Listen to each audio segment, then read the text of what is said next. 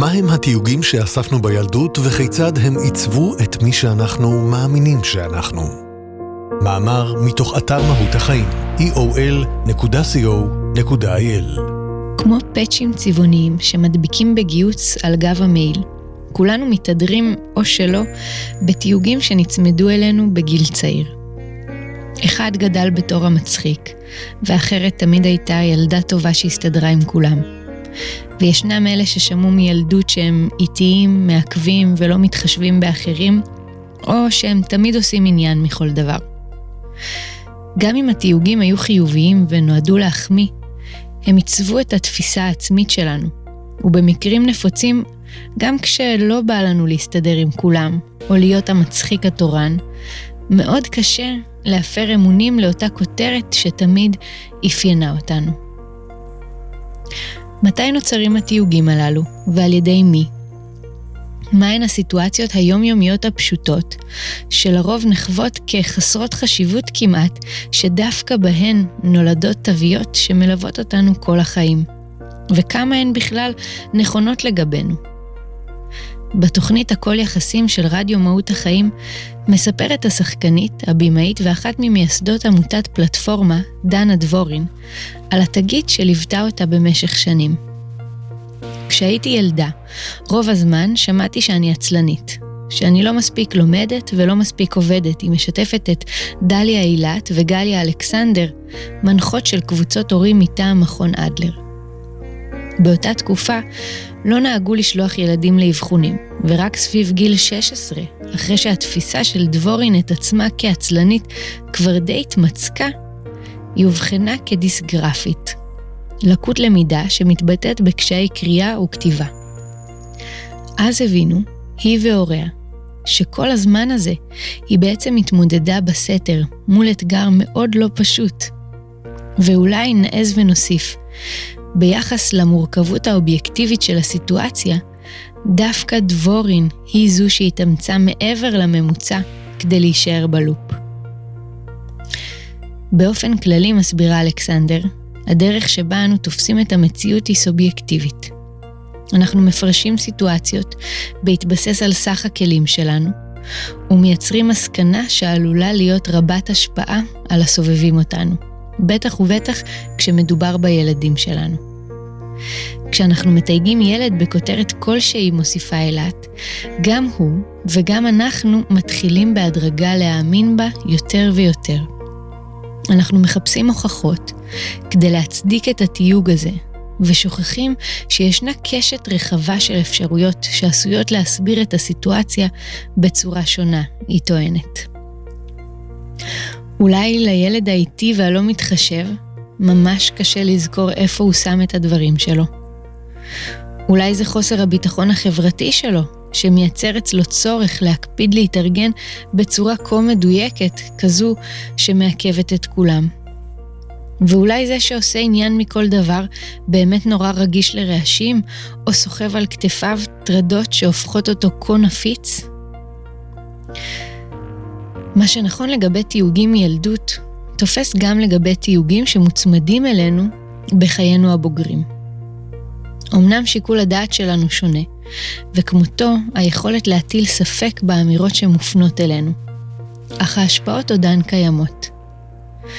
מה אם החבר הזה שלנו, שכבר שנתיים מנסה להיכנס לכושר ולא מצליח, הוא לא חסר שליטה עצמית כמו שתייגנו אותו, אולי בתור כאלו שבמידה כזו או אחרת עסקו בספורט כל חייהם, אנחנו פשוט לא מסוגלים להבין את גודל המאמץ הדרוש לאדם שבערך 40 שנה לא הניע את גופו, להתחיל לעסוק בפעילות גופנית. במאמר שפרסם ארש עממזאדה ב-Psychology הוא כותב על הקשר שבין שליטה עצמית גבוהה והצלחה. מתוך מסקנותיו ניתן להבין כמה דברים מעניינים לגבי אלו שאנחנו ממהרים לכנות חסרי שליטה עצמית, או אפילו עצלנים כוורסיה יומיומית יותר של אותה אי-עשייה.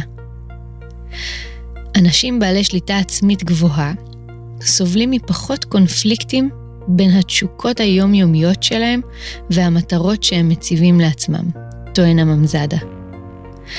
השאלה המתבקשת היא, האם הם מלכתחילה נתפסים כבעלי שליטה עצמית גבוהה רק מכיוון שהתשוקות שלהם תואמות למטרות שלהם, מה שמפחית את הצורך שלהם בשליטה עצמית. במילים פשוטות, תשוקה לראות טלוויזיה למשך שעה ביום לא מתנגשת עם למידה למבחן. אבל תשוקה למרתון סדרות של שמונה שעות, בהחלט כן. נחשו מי ייתפס כחרוץ ומי כעצלן. בנוסף, טוען הממזדה, נראה שלאנשים בעלי שליטה עצמית גבוהה, ישנם הרגלים שמקדמים את מטרותיהם. ושוב, האם מכיוון שבמהלך החיים הם פיתחו לבדם או בעזרת הסביבה הרגלים שמפחיתים את הצורך שלהם לשלוט בעצמם, הם נחשבים מוצלחים יותר בשליטה עצמית, או להפך. אולי דווקא אלו שכל הקלפים לרעתם ומצליחים לעשות חצי עבודה, יכולים להתפאר בשליטה עצמית ובחריצות יוצאת דופן. גם לעומת מי שסיים את העבודה כולה, אבל באפס חיכוך.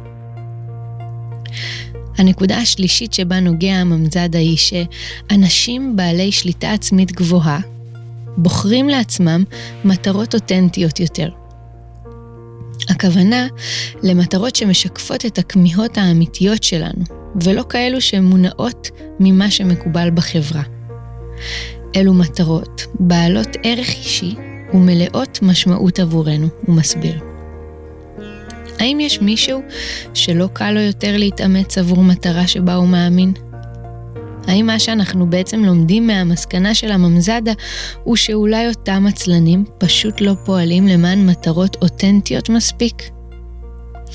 אולי אותו חבר שתמיד בוחר לצפות בסרט במקום לצאת להליכה, לא באמת מאמין בצורך להיכנס לכושר, אלא רק מנסה לרצות את הסביבה? נמשיך צעד נוסף קדימה עם אותו חבר ששרוע על הספה. במאמר של אלן דה בוטון מ-The School of Life הוא יוצא להגנת העצלנים. עצלות נתפסת כחטא אל מול הפעלתנות השוקקת של החברה המודרנית, הוא כותב.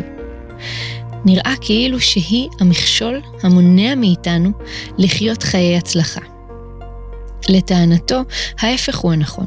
זה לא הכישלון שבלהיות עסוקים, אלא אי היכולת שלנו להיות עצלני מספיק שמהווה את האיום האמיתי על האושר וההתפתחות האישית שלנו. דבוטון מבדיל בין עבודה פרקטית ורגשית.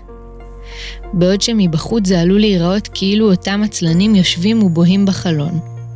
יכול להיות שברגעים אלו ממש הם משקיעים את מיטב האנרגיה בלאבד אירועים שחוו בלשקף לעצמם נקודות חוזקה ותורפה של התנהגויותיהם, או בלחולל רעיונות חדשים. לעומתם, אלו שנמצאים בעשייה בלתי פוסקת ומתויגים אוטומטית כחרוצים, מלאי מוטיבציה או מוצלחים, עלולים להיות מונעים מהפחד להישאר לבד עם המחשבות שלהם. אולי הם באופן מתמיד דוחים את החקר העצמי, מציע דבוטון, ואפילו טוען כי אם כך, אזי הם עצלנים בכל הנוגע להבנת הרגשות שלהם.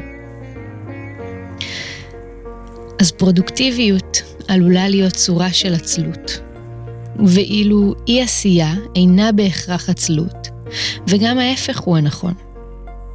כשאנחנו יוצאים מנקודת הנחה כי התמונה שאנחנו רואים לרוב אינה שלמה, מסבירה אלכסנדר לדבורין, אנחנו מאפשרים מרווח של למידה ודיוק בין התיוג השיפוטי האוטומטי שלנו ובין ההבנה העשירה והמורכבת יותר של האדם שעומד מולנו, גדול או קטן ככל שיהיה. כשהשכנות במעלית מתייגות את הבן שלה כביישן, בעודו נצמד לרגלה של אילת, היא מרחיבה את התיוג ומסבירה כך שישמע שיש לו את הקצב שלו להיפתח לאנשים. ואכן, למה שיגדל בתפיסה שהוא ביישן, אם בפועל הן אולי פשוט לא מצאו חן בעיניו? כשהבת של אלכסנדר מספרת שנדחתה ממשחק היום, במקום לתייג את זו שלא שיתפה אותה כחברה לא טובה שהתנהגה לא יפה, היא שואלת אותה אם יש לדעתה סיבה לכך שזה קרה. אולי המשחק התאים לכמות משתתפים מוגבלת, אולי אתמול היא בעצמה דחתה את אותה ילדה. על ידי כך, לדבריהן, הן מלמדות את ילדיהם ומתרגלות בעצמן את השיח שחוקר מה עומד מאחורי הנראה לעין.